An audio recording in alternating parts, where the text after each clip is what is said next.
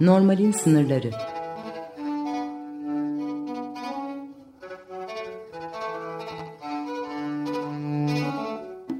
Klinik felsefe sohbetleri.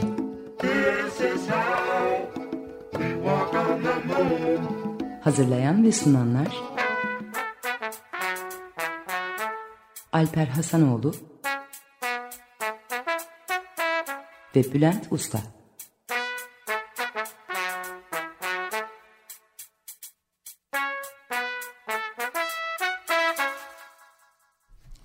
Merhaba, Normal'in sınırlarına hoş geldiniz. Ben Bülent Usta. Merhaba, ben e, Alper Hasanoğlu. Bugün çok e, hem kolay hem de zor bir konuyla birlikteyiz değil mi Bülent? evet, derin bir konu, korku.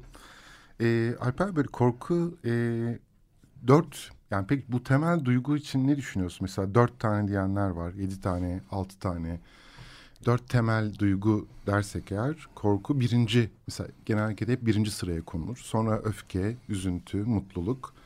Altı temel duygu dediğimizde onlara hayret ve tiksinmeyi, yedi temel duygu dediğimizde de küçük görmeyi ekliyoruz.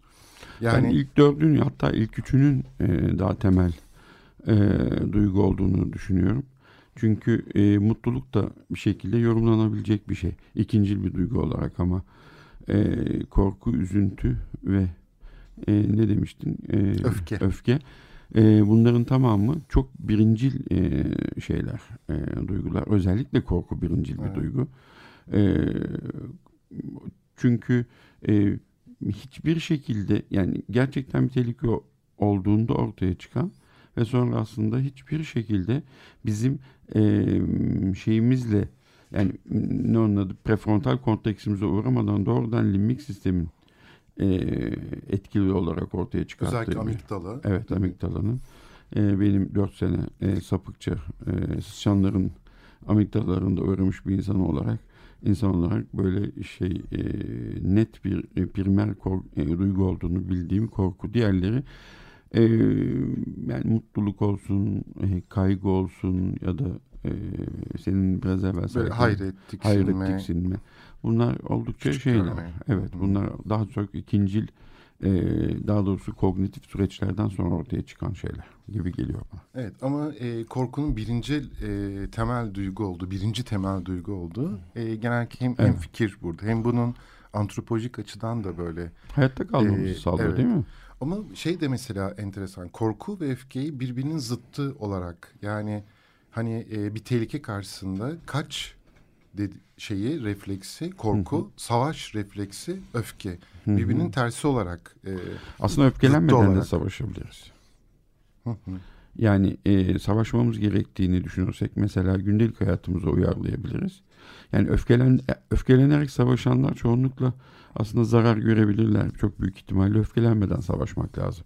Çünkü strateji geliştirebilmek, ne yapacağını bilmek için öfkelenmemek gerekir e, fight flight yani kaç e, savaş şeyinde aslında kaçmak hakikaten e, kaçmak da aslında e, e, korkudan daha ziyade bir strateji olabilir. Yani kaçmamız bence onu e, temel ruhsal temel başa çıkma stratejileri içinde bu e, bir de freeze'i donup kalmayı katarsak bunların strateji olduğunu bir duygu olduğunu düşünmüyorum ben.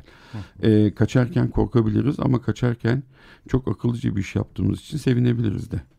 E, bu e, programı korku üzerinde yani bu programın korku temasını belirlerken e, son dönemde işte depremdir, e, virüs salgınıdır. Evet, evet. E, pek çok böyle doğal felaketler E, işte çığ düştü geçenlerde. Evet, evet.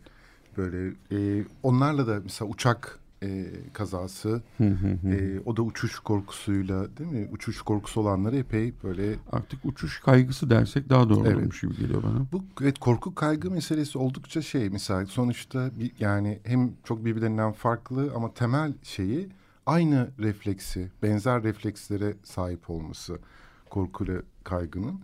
E, onlara zaten değiniriz. Tabii korku deyince pek çok mesela e, günümüzde özellikle son zamanlarda böyle korku filmlerinde değil mi? Korku filmleri, korku dizileri, e, vampirler, zombiler, e, işte hayaletler, e, böyle bir şey var. Trend yükselen bir şey var. Bir yanıyla işte dünyanın sonunun geldiğine dair, dünyanın sonuna dair Hollywood filmleri değil mi? Bu tür şeyler böyle çok yaygın ve bunların hepsinin e, sosyolojik, siyasal şey olduğu kadar psikolojik bir e, boyutu da var. Evet, insanların neden korku filmleri izlediğiyle ilgili bana bir e, bir dergide bir soru sorduklarında ben bunu birazcık araştırdığımda bir psikanalistin çok güzel bir yorumunu yorumuyla karşılaşmıştım. E, korku filmlerindeki e, bütün o olan olan biten olayların aslında senin kendinin başına gelmiyor olmuş olmasını verdiği rahatlıkla e, onu izliyor olmanın e, o korku filmini e, izlemedeki e, en önemli e, motivasyon olduğunu söylüyordu. Çok benim saygı duyduğum Alman bir psikanalist. E, yani aslında neredeyse hani, hani sevinç duyarak o korku filmini izlemek yani benim başıma gelmiyor evet. falan gibi ama tabii ama, çeşitli yorumlar yapılabilir mutlaka. Evet korku filmlerine dair o kadar şey var ki mesela Anglo-Sakson o sömürgeci geçmişin bir bilinç dışı yansıması gibi yorumlayanlar var. Fanon yapıyordur herhalde değil mi? Fanon ee, mu yapıyor bu yorumu? Yani pek çok yorum yapılıyor buna dair ve şeyler e, korku filmlerinin mesela dini öğretilerle mesela dikkat edersen korku filmlerinde diyelim bir ormana bir grup genç gider ve en böyle diyelim cinsel açıdan şey olan kadın ilk kurban olur. E, şişman gözlükle çocuk diye biliyordum ben. bir de e, orada böyle bir suç, günah vesaire tüm bunlarla böyle bağlantılı bir şey de var ama orada bir heyecan tabii. Oradaki heyecana olan ilgi e, ki böyle psik psikanalitik açıdan da şey var. Böyle korku aynı zamanda bir arzuyla olan bağına dair de belki konuşabiliriz. Ama eğer şeye dönersek e, deprem, e, virüs Buna dair ben böyle çok televizyon izleyen biri değilim ama eminim epeyce bir televizyon programı yapılmıştır. Epeyce bir Bence uzman. her gece yapılıyordur. Evet. Ve, ben de hiç izlemiyorum. e, ama bunun mutlaka şöyle bir işlevi vardır diye düşünüyorum. E, bir yandan işte korkuyla nasıl baş edeceğimiz meselesine gelince hem bilgi alma ihtiyacı hem de konuşarak, e, söze dekerek e, onun e, ilginçleşerek etkisizleşmesi o korkunun böyle bir işlevi ol, olduğunu düşünüyorum. E, bu, bu tür İnsanlar kendileri konuşsalar belki ama yani başkaları bunu anlattıkça, e, başkalarından duydukça korku daha fazla artıyor da olabilir gibi geliyor bana. Yani biz ikimiz bir korkudan bahsedersek o korkuyla ilgili, ikimizin yaşadığı korkuyla ilgili ikimiz konuşurken e, bununla ilgili bir habitüasyon, bir alışma e, ve e, bir duyarsızlaşma gerçekleşebilir ama birileri devamlı bir başka televizyonda korkulan ve korkulması gereken şeyleri anlattıkça korku büyüyebilir de bir çığ gibi.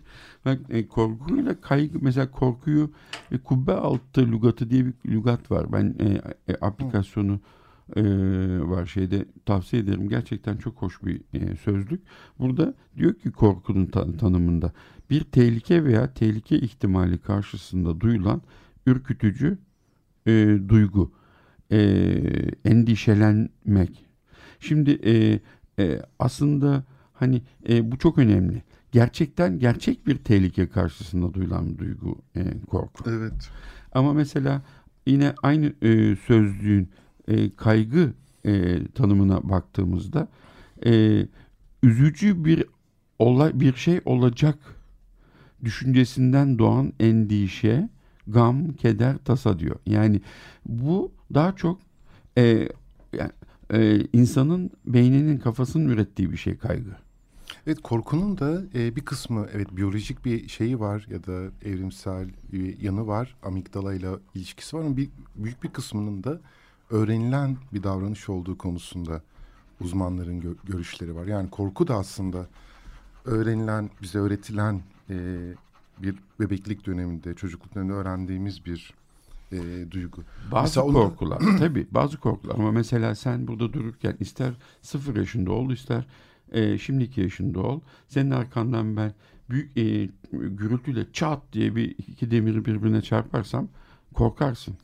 E, evet o korku işte e, fizyolojik olan şey hı hı. ve onu da evet. üçe mesela ayırıyorlar. Yüksek ses. Sen bayağı ders çalışmışsın. E, dokunma, dokunmayla sıcaklık, evet. soğukluk ve e, mesela bu da üçüncüsünü evrimsel biyologlar ekliyor. Yükseklikten düşme, yüksekten düşme Ama diğerleri bütün diğer korkular mesela e, diyelim fare e, mesela o tiksinme oluyor tabii fare meselesi. Pek çok korkunun da e, öğrenilen korku olduğu Yok farelerden tiksinmenin dışında korkuyorlardı. İşte orada birinci olan çünkü tiksinmeyi e, temel duygu olarak kabul eden yaklaşımlar da var. Tiksinmenin sonucunda bir korkuya dönüşebiliyor. E, korku orada ikincil olabiliyor. Canım öyle Farenin, söyleyenler vardır da biz fare, kendi yorumlarımızı da konuşuyoruz fa, ya.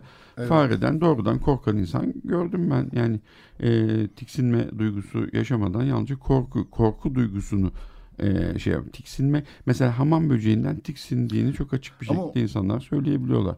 Dokunmuyorlar. İnsanlar tiksintiyle korkuyu birbirinden çok net ayırabilirler. Tiksinme ve korku o kadar güçlü iki duygu ki e, tiksiniyor mu korkuyor mu anlar insanlar yani çoğunlukla biliyor. Evet ama fare ona bir zarar vermeyeceğini e, biliyor ve tiksindiği için. Nereden bence, biliyorsun fare zarar vermez mi? Yani onu Sen öyle düşünüyorsun. E, peki e, bir belgesel vardı orada da ki mesela biraz daha korku kaygı şeyine çok güzel bir örnekti. Bir e, belgeselde bir kaplan geliyor insanın karşısına. Ona verdiği kaplana verdiği tepki fizyolojik tepkinin aynısını eline fatura geldiğinde gösteren böyle bir şey vardı ve günümüzün aslında ilk başta e, çok e, işlevsel olan bu korkunun nasıl daha sonra bir kaygıyla beraber bir o belgesel işlevini... çok büyük ihtimalle şunu e, şey yapmıştır. E, yani e, şimdi hani e, bütün nörosans hayatını korku, kaygı, endişe ve stres üzerine çalışarak geçirmiş birisi olarak sana şunu net olarak e, söyleyeyim. Şimdi fatura eline fatura e, aldığında duyudan ortaya çıkan fizyolojik reaksiyonlarla kaplan gördüğünde ortaya gördüğünde ortaya çıkan fizyolojik reaksiyonlar tabii ki beyin sapının e, uyarılması sonucu ortaya çıkıyor ama e, kaplan gördüğünde ortaya çıkan reaksiyonları e, reaksiyonların ortaya çıkmasına doğrudan limbik sistem e, uyaran göndererek bunu yapıyor. Ama bir şey gördüğünde, e, faturayı gördüğünde limbik sistemden e, daha önce e, hipokampusla yani beyin e, hafıza bölgesiyle prefrontal korteks yani muhakeme ikisi bir arada devreye girerek limbik sisteme kaygı ve korku reaksiyonlarını göstermesi için emir gönderiyor. Yani e, aslında daha e, pozisyon omi emisyon tomografisi ve işte fonksiyonel MR'larla falan yapılan çalışmalarda e, onu çok net olarak ayırabilir, ayrılabilir yani onlar görülebilir. Ve tabii burada biz korkunun e, normali ne, e, şeyi ne, değil mi? Anormali ne? Biraz o korkunun evet, sınırlarında. Tabii, tabii. Nasıl ne dersin? Korku nerede? E, veya Gerçek günümüz... bir tehlike yani. Ben kaplanı gerçekten karşımda gördüğümde duyulan korkunun Yok, ya da şöyle normal olduğunu düşünüyorum. Mesela depremle ilgili mesela pek çok insan korkuyor evet. depreme dair. Ama pek çoğu kişi de umursamıyor. İşte ben orada e, deprem e, korkusu ve deprem kaygısı olarak ayırmak gerektiğini düşünüyorum. Yani e, çok net bir şekilde deprem bölgesinde e, e, yaşayıp e, bir gün önce deprem olmuş e, bir yerde ve e, apartmanında çatlaklar var ve artçılar da çok fazla güçlü olacak olan bir yerde. E, apart orada e, orada bir korku yaşama, yaşıyor olmanın e, bir, yani o reaksiyonları göstermenin deprem korkusu olduğunu, depremden gerçekçi bir, şey bir korku olduğunu evet. düşünüyorum. Ama Hı. tamam İstanbul deprem bölgesi ama evde oturuyorum ve devamlı şeye bakıyorum. Yani e, e, Elazığ'da deprem olmuş çay bardağına bakıyorum. Çay bardağının içinde sıvı kıvıldıyor mu falan diye böyle bu işte bu kaygı artık. Yani ve burada normal anormalden daha ziyade herhalde şuna bakmak gerekiyor. Bu kaygı nedeniyle ben hayatımı nasıl kısıtlıyorum? Yani benim hayatımı nasıl etkiliyor diye bakmak gerekiyormuş gibi geliyor bana. Evet yani korkuda daha Mesela somut. benim bir tabii benim bir hastam vardı 90 küsur yaşlarında. Ee, bir yalıda oturan e, bir kadıncağız e, bütün gece cam kenarında oturuyordu. E, şey e, bir gemi büyük bir tanker gelecek ve yalıya çarpacak diye. Şimdi bu defalarca olmuş olan bir şey. Yani onların e, şeyine değil, yalısında değil ama yani olabilmiş olmuş olan bir şey. O yalıya böyle bir şeyin çarpma olasılığı var. yani olasılık olarak var ama tutup da her gece şey yaptığında e, uyumadan oradan geç or, orada oturup da bir tanker geliyor mu gelen tanker nasıl geliyor dönecek mi dönmesi gereken yerde dönüyor mu deyip orada panik atak yaşamak. İşte burada e, normal ve anormalden daha ziyade e, onun hayatını nasıl etkilediği e, ama bizi mesela e, neyle korkutuyorlar meseleleri devreye girdiğinde ben normal ve anormalin e, konuşulması gerektiğini düşünüyorum. Çünkü öbürü kişisel bir durum. E, yani kişisel olarak kendine zarar veren bir şey yapıyor. Ama İslam tehlikelidir, teröristtir ve e, İslamcılardan, İslamcı teröristlerden, fundamentalistlerden kendimizi korumalıyız diyerek Amerika'da ya da Avrupa ülkelerinde bütün Müslüman insanlara karşı yürütülen e, kampanya içinde o insanları e, korkutmak yani Müslüman olmayan diğer insanları korkutmak ve onların bu korkuyu e, resmen gerçek bir korkuymuş gibi duymalarına sebep olmuş olmak anormal bu durum. Bu da politik bir anormallik. Evet ve fobiye de dönüşüyor tabii. Xenofobi tabii. mesela Hı-hı. Türkiye'de de Suriyelilere karşı başka evet, şeylere karşı mi? xenofobik değil mi? Böyle yabancı düşmanlığı. Evet, evet. Şeyi, evet. E, o hem politik bir yanı var e, psikolojik bir yanı da var onun. Tabii Çünkü tabii. onu da almaya hazır bir hı hı. E, şey Çünkü var. öteki hep her var. zaman tehlikelidir. En bir evrimsel bir şey değil mi? Yani öteki diğer yabancı şimdi, gelir ve benim haklarımı alabilir. Yiyeceklerimi alabilir. E, işimi kaybedebilirim onun yüzünden. O çünkü bütün yabancı düşmanlığı e, şeyini en çok o e, durum o, o e, şeyle argümanla besliyor e, çok aşırı sağcı partiler. Avrupa'da yani İsviçre'de de o şekildeydi. Yani bunlar geldiler ve bizim işlerimizi elimizden alıyorlar ve biz fakirleşiyoruz bunlar yüzünden. Ee, şey. Böyle buradan şeye girmişsek politik kısmı aslında benim aklıma mesela böyle sinemada çok bunun güzel örnekleri var. Village diye bir film vardı köy diye. Şam, Şamalandı galiba yönetmeni. Ee, orada böyle bir ormanın ortasında bir köy var ve köyün ihtiyarları geçen programda yaşlı, yaşlılıktan bahsetmiştik. Köyün ihtiyarları bir iktidar kurmuşlar. Gerontokrasi denilen o bir iktidar.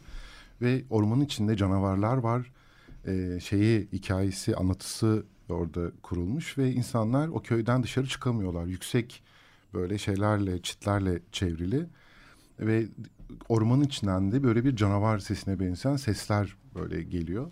Mesela orada şunu oradaki iktidarı da e, onun üzerine yani o korku üzerine e, kuruyorlar ve insanlar o, o anlatıyla aslında o iktidarı o korkuyu benimsiyorlar, öğreniyorlar. Sonra bir, birkaç bir kişi o çiti aşıp ormanda ne var diye merak film bunun üzerine kurulu evet. falan.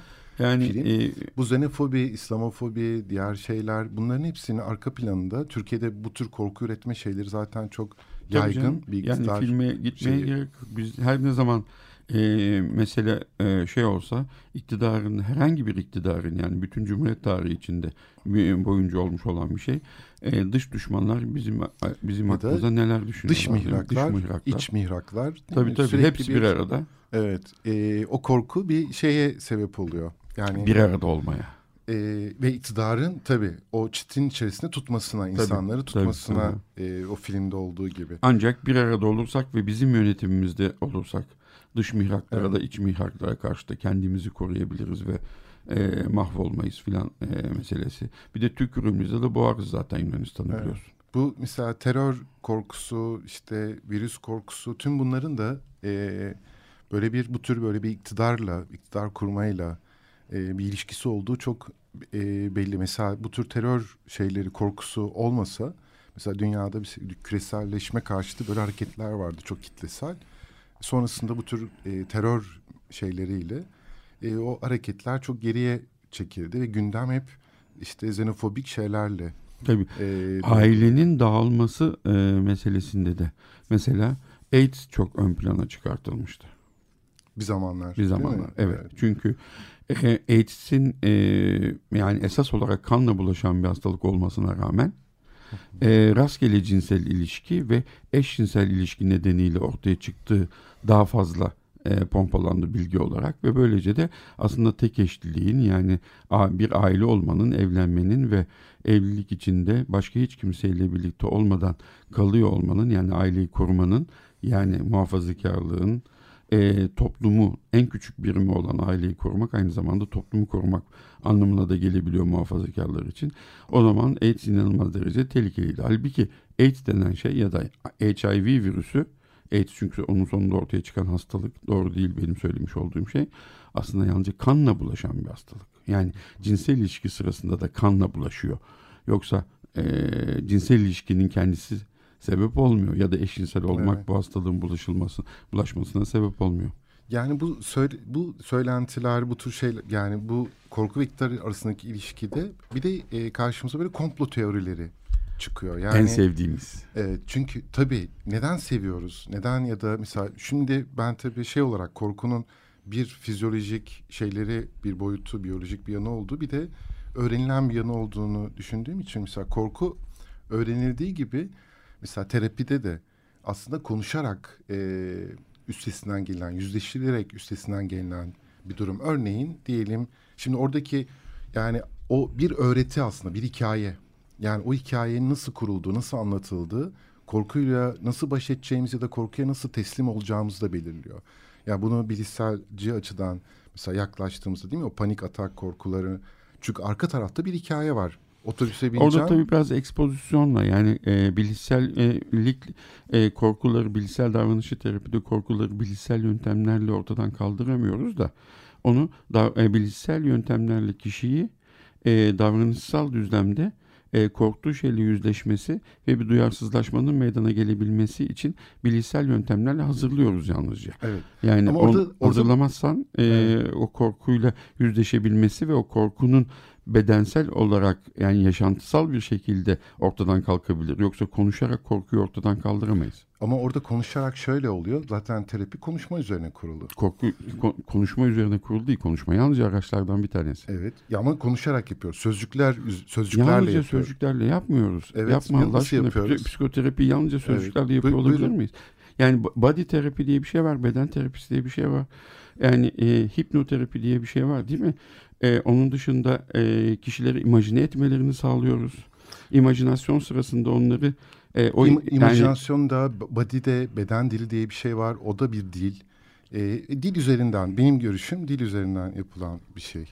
Ve orada mesela diyelim bilişselci açıdan da orada bir anlatı var. Kişinin kendisini anlattığı. Diyelim otobüse bineceğim ve e, nefes alamayacağım. İşte kalp gibi bir anlatısı var. Sonra o anlatıyı aslında değiştirerek ben öyle e, bilişselci şeyde görüyorum. Yani burada konuşarak bir şeyin e, yüzleşmek, burada anlatmak, oradaki anlatıyı değiştirmek temel şeylerden biri gibi geliyor bana Alper. Ee, evet, e, şimdi burada te, terapi ayrıntılarına girmek herhalde korku meselesi için çok doğru değil. Şey zamanı geldi, şarkı zamanımız geldi. Joy Division'dan e, Atmosfer şarkısını dinliyoruz. Açık Dergi Merhaba, normalin sınırlarıyla tekrar karşınızdayız Bülent Usta ve ben Alper Hasanoğlu. Ee, korku ve kaygıdan çok az bahsettik. Bir de Bülent, böyle hani bizim annelerimiz, anneannelerimiz var ya evhamlı. Onlar da mesela e, çok tatlıdırlar başkalarının anneannelerini falan dinlediğimizde ya da ne bileyim mesela işte yarım saat e, ya da 15 dakika eve geç kaldığında anne anneanne falan heyecanlanır arar eder bulmaya çalışır sonra büyük endişe duyar falan filan. O evamlı anneanneleri babaanneleri biz arkadaşlarımızdan dinlediğimizde böyle gülümseriz güleriz hatta sen de şimdi evhamlı anneanne deyince güldün ama insanın başına gelince ne kadar zor olur değil mi o evhamlı bir anne anneanneyle şeyle onunla bununla yaşamak. Evham konusunda bilmiyorum düşündün mü e, o şeyi yani bunların sınırları içinde. Aslında çok da farklı olarak değerlendirmiyorum. Evham yalnızca e, Arapça ya da işte e, Farsça olabilir. E, bu cahilliğimi Necati Ilgıcıoğlu'yla Özlem Sinal arkadaşlarımız lütfen hoş görsünler eğer bir şekilde dinleme şansları varsa. E, evhamlı olmak, endişeli olmak, kaygılı olmak ve korku ve bunların e, normalle olan sınırları aslında seninle e, sınır konusunda normal ve anormal sınır konusunda çok net anlaşıyoruz diye düşünüyorum. Hı hı. Bunlar e, politikayla yani insanın kendisinin e, normali anormali olmasının haricinde bunun çok bir e, şeyi yok. Hani ilaç e, çok bir önemi yok ama ilaç firmaları nasıl ki hastalık sayısını arttırıp normali köşeye sıkıştırdıklarında bu da politik bir mesele ise Korku e, kaynaklarını devlet arttırdığında, politik arttırdığında bizim yaşadığımız e, daha normal, daha huzurlu ortamlar da daralıyor ve galiba o zaman bir e, korku hapishanesine Evet. Korku Krallığı'nda, Korku Krallığı diye bir şey vardı değil mi? E, Atilla İlhan'ın mı şiir kitabıydı o? Olabilir. Evet. Şimdi hatırlamıyorum. Ben evet. de şey yapamadım. Evet ama bir korku e, şey içerisinde sıkıştırıldığımız doğru ve bu işte GDO'lu ürünlerden, hormonlu şeyler değil mi? İlaçlar. Evet. E, pek sürekli yeni yeni çıkan hastalıklar, virüsler, Psikolojide de öyle şeyler var. Hı hı. Nasıl yeni virüsler, grip virüsleri çıkıyorsa psikolojide de yeni evet, evet. hastalıklar böyle icat ediliyor ve her şey travma mesela şimdi farkındaysan. Hı hı. Travmalardan insanlar acayip korkuyor. Çocuğumu travmatize eder miyim böyle yapınca filan. Yani travmatize olacak ve çocuk kim bilir neler gelecek başına diye korkuyorlar. Ya mutlaka sen de gündelik hayatta şey yapıyorsundur. Yani normali e, no, yani çocuklarını azarlayamayacak ya da çocuklarına kızamayacak duruma gel- geliyor anne babalar. Çünkü çocuklarını travmatize etmekten korkuyorlar. Bilmiyorum evet. sen bakıyor musun 16 17 o yaşlarda? Evet. Çocuk, evet. Evet. Yani travma travma ama bir yandan şöyle bir şey de var tabii. O travmayı travma yapan bir yandan da mesela şöyle e, bilmem katılır mısın bana? Mesela ben travma mesela çocuğu düştü, bir salıncaktan düştü ve travma geçirdiğini düşünüyor bunu. Evet. E, ve çocuk gerçekten onu travma gibi yaşayabiliyor. Çünkü travmayı travma yapan şey onu nasıl yorumladığımız. Hı hı, evet. Yani kesinlikle. Bir, e, mesela Suriye'den gelen işte çocuklar e, savaştan böyle travmatize olduk demiyorlar. Çünkü evet. o savaş, o şey onların doğal bir şeyi gibi. Onların arasında da mutlaka travmatize olmuş olanlar tabii. vardır. Vanlı'da daha uç bir örnek evet, olarak. Evet. evet. Ama depremde de mesela bir sürü insan e, depremi yani annesi babası şu su bu su ölüyor.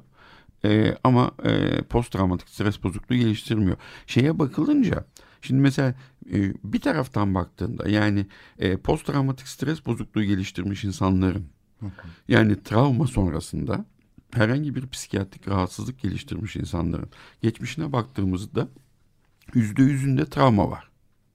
Ama travma geçiren, travma diye nitelendirdiğimiz e, şeyleri yaşantılayan insanların e, hepsi post travmatik ya da işte herhangi bir psikiyatrik rahatsızlık geliştiriyor. Tam da senin dediğin sebeple. Nasıl evet. algıladıklarıyla ilgili. Ve işte burada sen senin hoşuna çok gitmeyen çocukluk dönemi. Yani işte psikodinamik açıdan çocukluk döneminde. Ama benim hoşuma gider ben çocuk olmayı çok seviyorum. ee, böyle işte Freud'a dair şeylerini şey yapınca düşününce. Ee, şimdi orada... Freud'u sevmediğimi düşünecek insanlar. Ben Freud'u çok seviyorum. Peki tamam. Ee, burada mesela şeyi çocukluk o evreleri yani orada nasıl bir örüntüsü örüntü geliştirdiği kişilik örüntüsüne sahip olup olmadığı e, o travmayı ya da yaşadığı şeyi travmatize e, edip etmemesini e, kolaylaştırıyor. Fakat orada yani günümüzde de mesela medyanın, sosyal medyanın e, etkisi burada bir anlatı inşa etmek, bir korku anlatısı inşa ettiğinizde onu gerçekten e, öğrenilen bir korkuya dönüştürebiliyorsunuz. Yani ve ben e, şey yaparken de e, e, korkuya dair e, şeyi anlatırken or, yani sözcüklerle de, biraz evvel demin belki yanlış da anlaşılmış olabilir onu e, o anlatıyı değiştirmenin önemli olduğunu düşünüyorum. Yüzde yüz narratif, oran narrasyonu değiştirmek evet. değil mi? Evet. Yani bunu değiştirmediğimiz, o, tra, o yorumu değiştirmediğimiz ve yeniden onu yazmadığımız zaman, yeniden e, bir hikayeleştirmediğimiz zaman o travmatik olmaya devam ediyor. Evet, evet. evet. E, diyelim, mesela şimdi örnekler de gelmiyor. Yani bir, bir kardeşinden değil nefret ediyor. e, ve bu onda bir korkuya sebep oluyor. Mesela nasıl diyeyim ya da şöyle diyelim. Bak şöyle sırrını, bir öykü anlattı bir birisi bana. Evet. Tam senin dediğine şimdi aklına gelmediği için evet, şey yapacağım. Tamam. Ee, birisi bir, bir, e, bir, e, bir şey e, bir çocuk küçükken küçükken şey olmuş. Köpek saldırmış üzerine. Bir sürü köpek. E, bu işte üstü biraz canları yanmış bilmem ne falan filan. Canı yanmış filan e, arkadaşın. Ondan sonra eve gittiğinde korkuyla böyle titrek üstü başı da şey. Anne bana köpekler saldırdı demiş. Annesi hmm. demiş ki ay bak köpekler de senin ne kadar tatlı bir kız olduğunu e, fark etmiş de üzerine gelmişler seni yalamışlar e, öp, öpmüşler seni demiş. Şimdi bak e, ve evet. köpekten korkma işte çok güzel bir anne müdahalesi değil Nefis. mi? Mesela buna da başka bir örnek mesela diyelim e, küçük bir kız çocuğu annesine bir sırrını anlatıyor. Ve anne bu sırrı çok önemli bir sır komşusunun komşuyla sohbet ederken anlatmış evet. oluyor. Ve komşu o kızla diyelim dalga geçiyor. Evet. Travma ve, işte. Evet bir çocuk bu sefer kız çocuğu şöyle düşünecek. Ben insanlara sırlarımı anlatmamalıyım. Evet bir güvensizlik gelişiyor ve değil bir, mi? E, öteki korkusu. Bu sefer insanlara kendi iç dünyasını paylaşmama. Üstelik anneme güvenmeyeceksem kime güveneceğim değil mi? Evet. Orada bir temel bir kırılma gerçekleşmiş hmm. oluyor. Ve evet. insanlardan kendisini yalıtmaya başlıyor. İzole etmeye başlıyor. Tabii. Yani oradaki e, korkunun aslında nasıl öğrenildiği ve onun e, aslında çok başka bir nedenden de kaynaklanabildiği tabii, ve tabii. E, o travmatize olmanın ya da o örüntünün sahip olunan örüntünün ya da çocukluk yaşantısı bizi şeye açık hale getiriyor. ee, Şeyin Antonovski diye bir e, Aaron Antonovski diye bir İsrailli sosyolog ve tıp tarihçisi var. O onun yaptığı bir çalışma var. O çalışmada şöyle bir e, şey yapıyor. E, toplama kamplarından e, sağ kurtulmuş 300 tane e, kadın e, üzerinde bir çalışma. 300 300'ü de şeyde İsrail'de yaşıyor ve e, ne tür fiziksel ve e, e, ruhsal sıkıntıları var diye. E, çok doğal olarak %71'inde %71 gibi yüksek bir oranda travmalar tespit ediyor e, psikiyatrik rahatsızlıklar ama %29'unda hiçbir şey yok. Yani şey açısından, ruhsal açıdan. Normal hayatlarını sürdürüyorlar, evleniyorlar, aşık oluyorlar, işle, işe gidiyorlar, bilmem ne çocuk doğuruyorlar filan. Sonra daha başka bir şeye bakıyor. Orada üç e, önemli etkenle karşılaşıyor. Diyor ki e, o insanlar başlarına gelen şeyi açıklayabiliyorlarsa e, onunla e, grandiyoz olmayan e, gerçekçi bir iyimserlikle biz bu problemle başa çıkabiliriz diyorlarsa ve yaşadıkları şeye bir şekilde transandental bir anlam yükleyebiliyorlarsa o zaman e, o bir travma haline dönüşmekten korkuyor, e, o, e, çıkıyor. E, mesela işte yani e, korkmaktan da travma haline dönüşmekten de e, kurtulmuş oluyorlar. E, ve bütün bunları da aslında işte e, demin söylediğin başka bir narratifle yapmış oluyorlar. Yani işte ben buradan mümkün değil kurtulamam, kesinlikle ölüp gideceğim dediğin zaman e, yaşadığın şey bambaşka. Yok olup gidiyorsun ve kendini bırakıyorsun. E, diğer tarafta ise e, gerçekçi bir iyimserlikte elimden geleni yapacağım e, kurtulabilirsem, kurtulmak için her şeyi yapacağım dediğinde de kurtulma olasılığın artıyor. Evet ve burada e, tabii bu anlatıyı değiştirmenin e, pek çok böyle şey var, aktörü var. Bu arada sosyal medyadan sürekli değil mi Alper e, şeyler geliyor, mesajlar geliyor. Şey dinleyemiyorlar. Dinleyemiyorlar diye evet. Evet internet e, yayınında bir problem var galiba. Evet. Bir de çünkü premium'a acaba Spotify'dan mı dinliyorlar? Premium ne ki? Evet. Neyse işte masadaki arkadaşları e, uyarmış olalım biz e, bu konuda. Bir, bir de bu e, e, korku e, meselesiyle ilgili olarak hay Allah biz bunu tam bunu konuşurken benim anlatacağım bir şey var. Unuttum sen devam et istersen çünkü unuttum valla. Evet yani korkuda e, ben böyle da, da, daha çok bebeklik dönemi vesaire bunlar üzerine e, notlar almıştım. Ama bir de şeylere bakınca Alper bizim konumuza çok giriyor. O kadar çok fobi var ki. Evet. Mesela akluofobi, karanlık korkusu. Aviofobi, uçuş korkusu. Glossofobi, topluluk önünde konuşma korkusu. Kakorofiofobi, başarısız olma korkusu. Sosyofobi zaten toplumda genel olarak insanlardan korkma konusu, korkusu gibi o kadar çok e, fobi e, üretiliyor ki sürekli evet. yeni fobiler e, Japonlarda çıkıyor. çok enteresan bir e, fobi var. E, Kyosho bilmem ne diye e, unuttum şimdi tam olarak ismini ama olay ne biliyor musun? E, hiçbir şey bazı insanlar birazcık böyle işte ter kokuları şey olabilir filan yani işte ya da çok yıkanmazsanız birkaç gün yıkanmazsanız teriniz kokabilir filan ama hiçbir şekilde fiziksel olarak ter kokusu anormal olmayan, gayet de düzgün yıkanmış, her gün yıkanan insanların bir kısmında Japonlarda yalnızca Japon kültüründe gözüküyor. E, bedensel kokusuyla, beden kokusuyla başkalarını rahatsız etmekle ilgili bir korkuları var. Ve bu korku abartılı bir şekilde şuna varabiliyor varlığımla insanları rahatsız edebilirim korkusuna ve evden hiç dışarı çıkmamalarına sebep oluyor.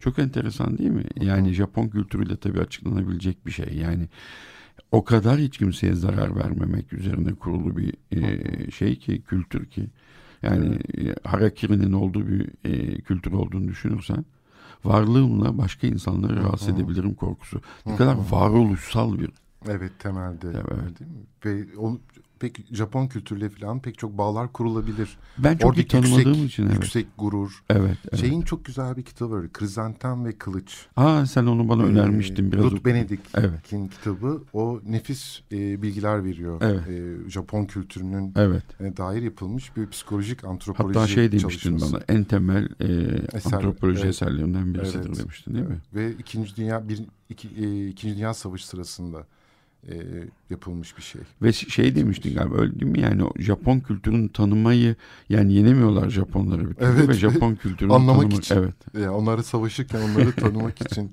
yapılan e, bir şey çalışma. Evet bir antropoloğun e, ya da işte bir bilim insanının diyelim bir antropoloğun demeyelim bilim insanının buna alet olmak olması da hoş bir şey değil tabii değil mi? Japonları nasıl yeneceğiz? Hadi Japonları tanıyalım o evet bu e, oluyor. Oluyor evet, tabii. E, ama bu fobilerin mesela baktığımızda şöyle bir şey e, mesela kaygı içinde korku, korku içinde şey söyleyebilir miyiz Alper? Mesela diyelim karanlık korkusu. Neden karanlıktan korku? Temel korkulardan birisi o. Evet. E, çünkü aslında kontrol edemiyoruz. Yani diyelim uçuş korkusu, kontrol edemediğimiz evet, evet. ya da topluluk önünde konuşma, insanların bize bize dair ne düşüneceğini kontrol edemiyoruz. Evet. Arabada da mesela kendi kullanırsa bir şey olmuyor da yanında yanında oturursa korkabiliyor. Onda da kontrol edemiyor. Tabii direksiyonun başında olsa belki evet. korkmayacak. Evet. Yani orada bir kontrol etme ve kontrol etmeyi de şimdi mesela güvenlikçi bir şeye doğru gidiyor dünya. Evet. Bu konuda çok böyle aşırı şeyler, önlemler alınıyor. Fakat bu güvenlik arttıkça biz de psikolojiden biliyoruz ki aslında korku da artıyor. Korku tabii, azalmıyor. Tabii tabii. Değil mi? Ee, yani ben ancak kontrol edebilirsem korkmam. Evet ama bu mümkün mü? Nasıl mümkün olabilir? Değil mi? Her şeyi nasıl kontrol edebiliriz? Ve asıl sorun da o kaygıyla ilgili olan şeyde de korkuyla ilgili orada başlıyor. Evet. Her şeyi kontrol edebildim mi? bir şey eksik kaldı mı? Bir daha bir daha şey yapayım e, kontrol edeyim bir daha bir daha test edeyim. Yani mümkün değil e, her şeyi kontrol edebilmek tabii. Yani böyle böyle baktığımızda o yüzden de herhalde. Ama bu da şey yapılıyor tabii. Yani mesela işte hani e, her türlü şekilde yalnızca kontrol e, meselesinde değil e, ne yiyeceğimiz nasıl besleneceğimiz her türlü şekilde e, kontrol edil, etmemiz isteniyor ya bizden. Yani işte ketojenik diyettir, şudur, budur, glutensiz bilmem nedir, GDO'lu olmasın. Ulan hepiniz siz ürettiniz bunları. Şimdi biz kendimiz evet. korumak zorundayız değil mi? Üretmeseydiniz Tabii. sigara yapmayın. Biz de sigara ölmekten korkmayalım yani. Gerçi çok sigara iç, evet. içen bazı arkadaşlarımız var. Yani mesela marketlerde değil mi dolaşırken raflarda sürekli herkes içinde bilmem ne var. Var mı yok mu? Evet. Bu da bir şey değil mi? Evet. Ee, bir tarafıyla. Kontrol etmeye çalışmak. Kontrol etme her şey. Çünkü evet. güvende Korkuyor. hissetmiyoruz kendimizi. Tabii. Güvende hissetmedikçe de tüm bunlar e, daha açık hale geliyoruz. Tabii. Ve hatta e, şu, şu boyuta varıyor bunu yok diyor ama aslında koyuyorlar ama yazmıyorlar. Mesela tabii. bu da ben biraz o konuya da böyle girmek istiyordum. Mesela neden bu kadar deprem, virüs salgını, işte küresel ısınma, korkan insanlar var. Bunun için korkup mücadele eden insanlar var. Öfke duyan insanlar var. Bir de umursamayan bir, bir evet. çoğunluk var. O da herhalde bir başa çıkma stratejisi olsa gerek. Hem öyle hem de bir yandan inanmıyoruz. Yani post çağ denilen şey. Yani evet uzmanlara da inanmıyoruz. Şeye de inanmıyoruz. Ve bir hep bir konu... Doğru çıkmıyor ki uzmanların dedikleri çoğunlukla. Tabii bir de mesela bes, beslenme ile ilgili birisinin dediğini diğeri evet. işte tereyağı zararlı diyor biri. Dün ya, kış kar yağacaktı yağmadı. Yarar. Mesela. Yani bir türlü evet. inanamıyoruz yani. Ve bu da artık şeye e, bir inanmama durumu daha başka bir şeye dönüştürüyor. Artık e, baş, baş edebilmek için ya bastıracağız o korkuyu evet. ya e, inkar edeceğiz. Değil mi? Böyle evet. bir e, başka bir seçenek kalmıyor geriye ya da e, biraz bununla da ilgisi olabilir mi sence? Yani şu an o vurdum duymaz gibi sadece bunun politik mutlaka nedenleri var. Evet. Ama bu post-truth denilen e, çağın... Ben o post-truth hikayesini çok iyi bilmiyorum açıkçası. Çok fazla şey, okuma şey, yapmadım e, hakikate o konuda. değil, inandığını hakikat kabul eden, etmek. Ha, evet. Ha, ha, ha. Evet. E, gerçekten yani bu ama tabii şimdi herhalde tanımını e, bu şekilde yaptılar ama zaten çoğunlukla insanların en büyük handikapı o değil mi? İnandığı şeyi hakikat kabul etmeleri. Ben geçen de sabahın köründe bizim orada Arnavutköy'deki böyle bir normal e, kıraathanelerden birinde oturuyordum. Çay poğaça bilmem ne falan. Bu televizyon açık bir yerde oradaki amcalardan bir tanesi şey dedi işte koronavirüsten falan bahsediyor Çin'de olan şeylerden. Hemen şey dedi bir tanesi. Bunu dedi kesin Amerika yapıyor dedi Çin'le başa çıkmak. Yani şimdi o kadar güzel ve ki, o kadar inandığını bir gerçek gibi kabul ediyordu ki yani net hiçbir şekilde vazgeçirebilmek mümkün değil. Yani zaten kimse uğraşmadı da dalga geçtiler yalnızca. Oğlum sen de ee, her şeyi her şeyin altında arkasında Amerika'yı buluyorsun falan filan diye. Yani bu gerçek olsa da olmasa da çok önemi yok ama yani orada köy orada oturan amcanın böyle bir komplo teorisi üretmesi ve bu belirsizliği ortadan kaldırması çok. Çünkü kendi korkusuyla şöyle başa çıkıyor. Amerika Çin'i yok etmek istiyor. Evet. Ve orada o yüzden bu var. Kendimiz bizle ilgili değil yani. Bizi yok etmek istemediklerine göre bize bir şey olmayacaktır. Çok enteresan değil mi? Enteresan ve komplo teorileri tam da o biraz daha e, programın ikinci yarısının başında konuştuğumuz anlatı ihtiyacından kaynaklanıyor. Yani bir, bir korku var, bir belirsiz. Çünkü belirsizlik en önemli korku şeylerinden, Kaynağı. kaynaklarından birisi. O belirsizliği bu şekilde çözmüş oluyor. Tabii. Evet, bunu Amerika yaptı. Bize de olacak mı? Ee, ha, olmayacak çünkü. Tamam, o zaman bizi şey evet. evet. Bu böylelikle o korkusunu şey yapmış oluyor, yatıştırmış oluyor evet. o hikayeyi. Çok büyük ihtimalle amcaya sorsak evde birisi grip o griple ilgili olarak bu komplo teorisi ortaya çıkmış olma ihtimali yüksek. Evet. Çünkü ya bizde de var mı yok mu? Ama bizde niye olsun ki bizi yok etmeye çalışmıyor Amerika?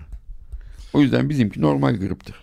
evet. bu Türkiye'de de bu Çernobil şey Çernobil kaza şey faciası olduğunda e, değil mi bakan şey içmiş. Çay içmişti. Evet. evet. Ve ben sana net olarak söyleyeyim.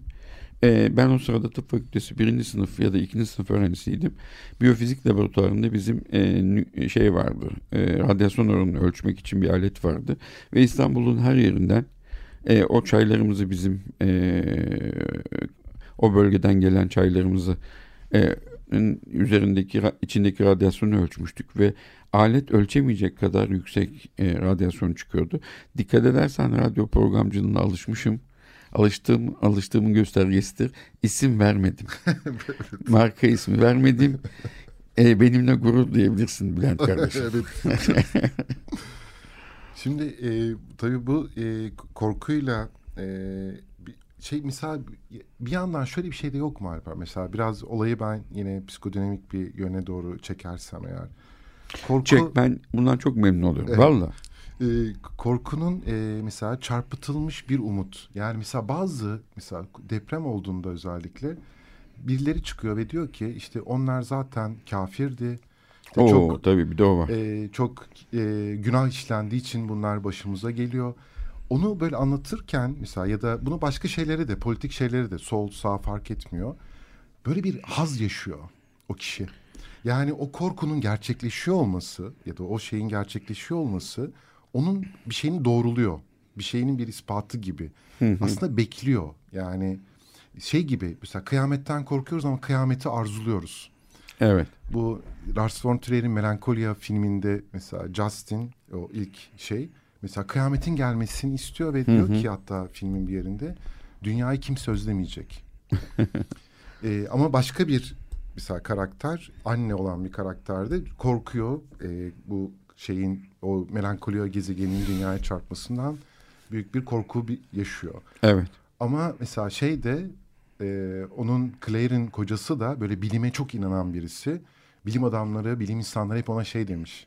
E, işte televizyonlardan açıklama yapıyorlar. Çarpmayacak, dünyanın yanından geçecek. Ve geçmediğini anladığında da e, canına... Filmin sonuna doğru ne kadar evet, güzel bütün, değil mi? Evet. Bütün spoiler'ı da vermiş oldum bu arada filmi izlemek isteyenler için. ee, Ama o filmin tabii ama, sonu önemli değil zaten. Filmin kendisi önemli değil mi? Evet. Yani çok da şey Ama değil. oradaki mesela o üç insanın tepkisine baktığımızda bu küresel ısınmadır, dünyadaki depremdir, şeydir. Bütün bunlara nasıl tepki verdiğimizi, farklı farklı tepkilerin böyle nedenlerini, kaynaklarını da görebil görebiliyoruz bazı e, yani o korkuyu aslında arzulayanlar değil mi? Evet.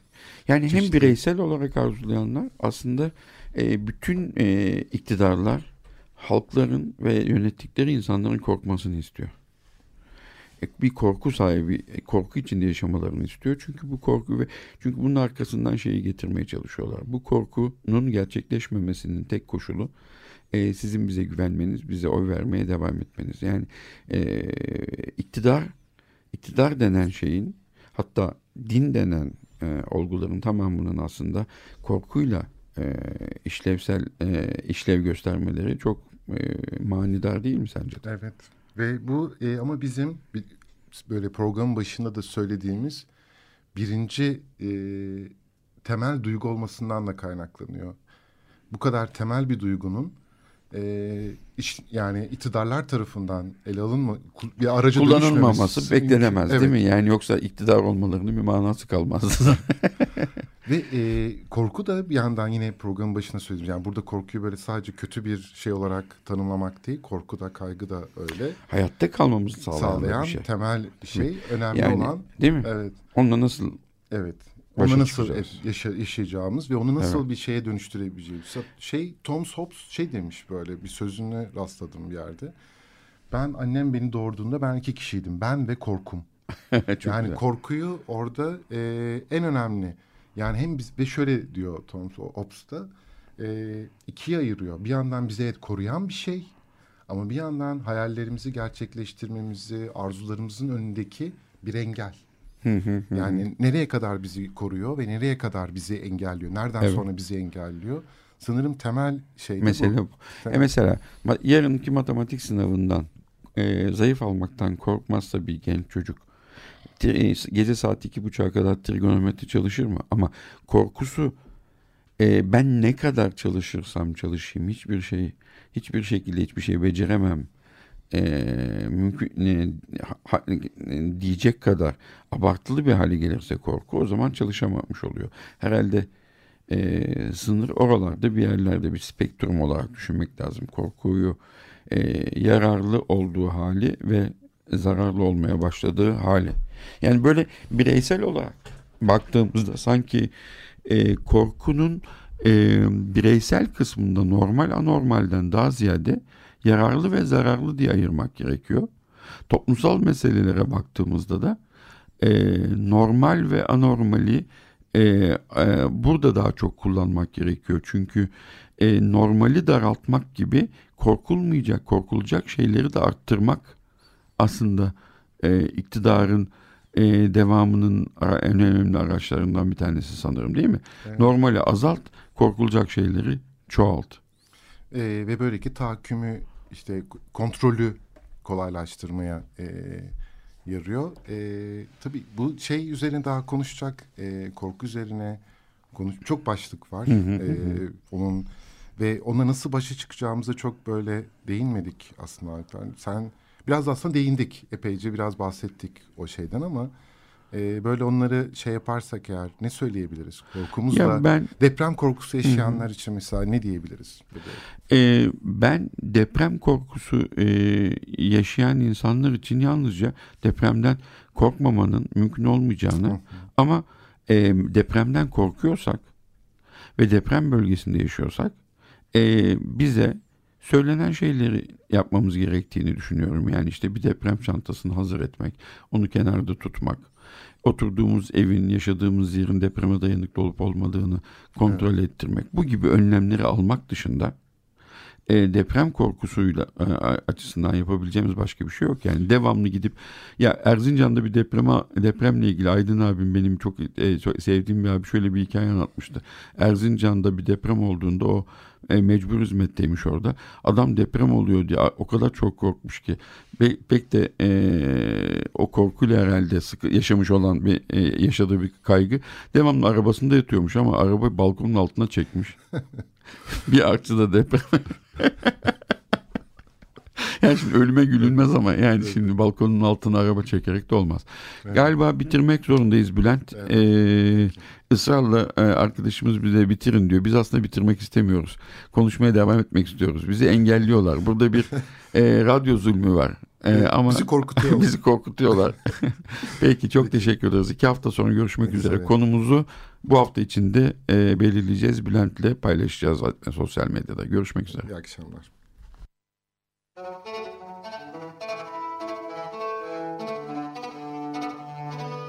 Normalin sınırları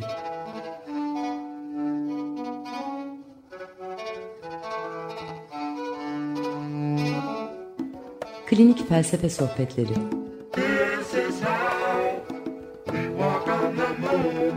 Hazırlayan ve sunanlar Alper Hasanoğlu ve Bülent Usta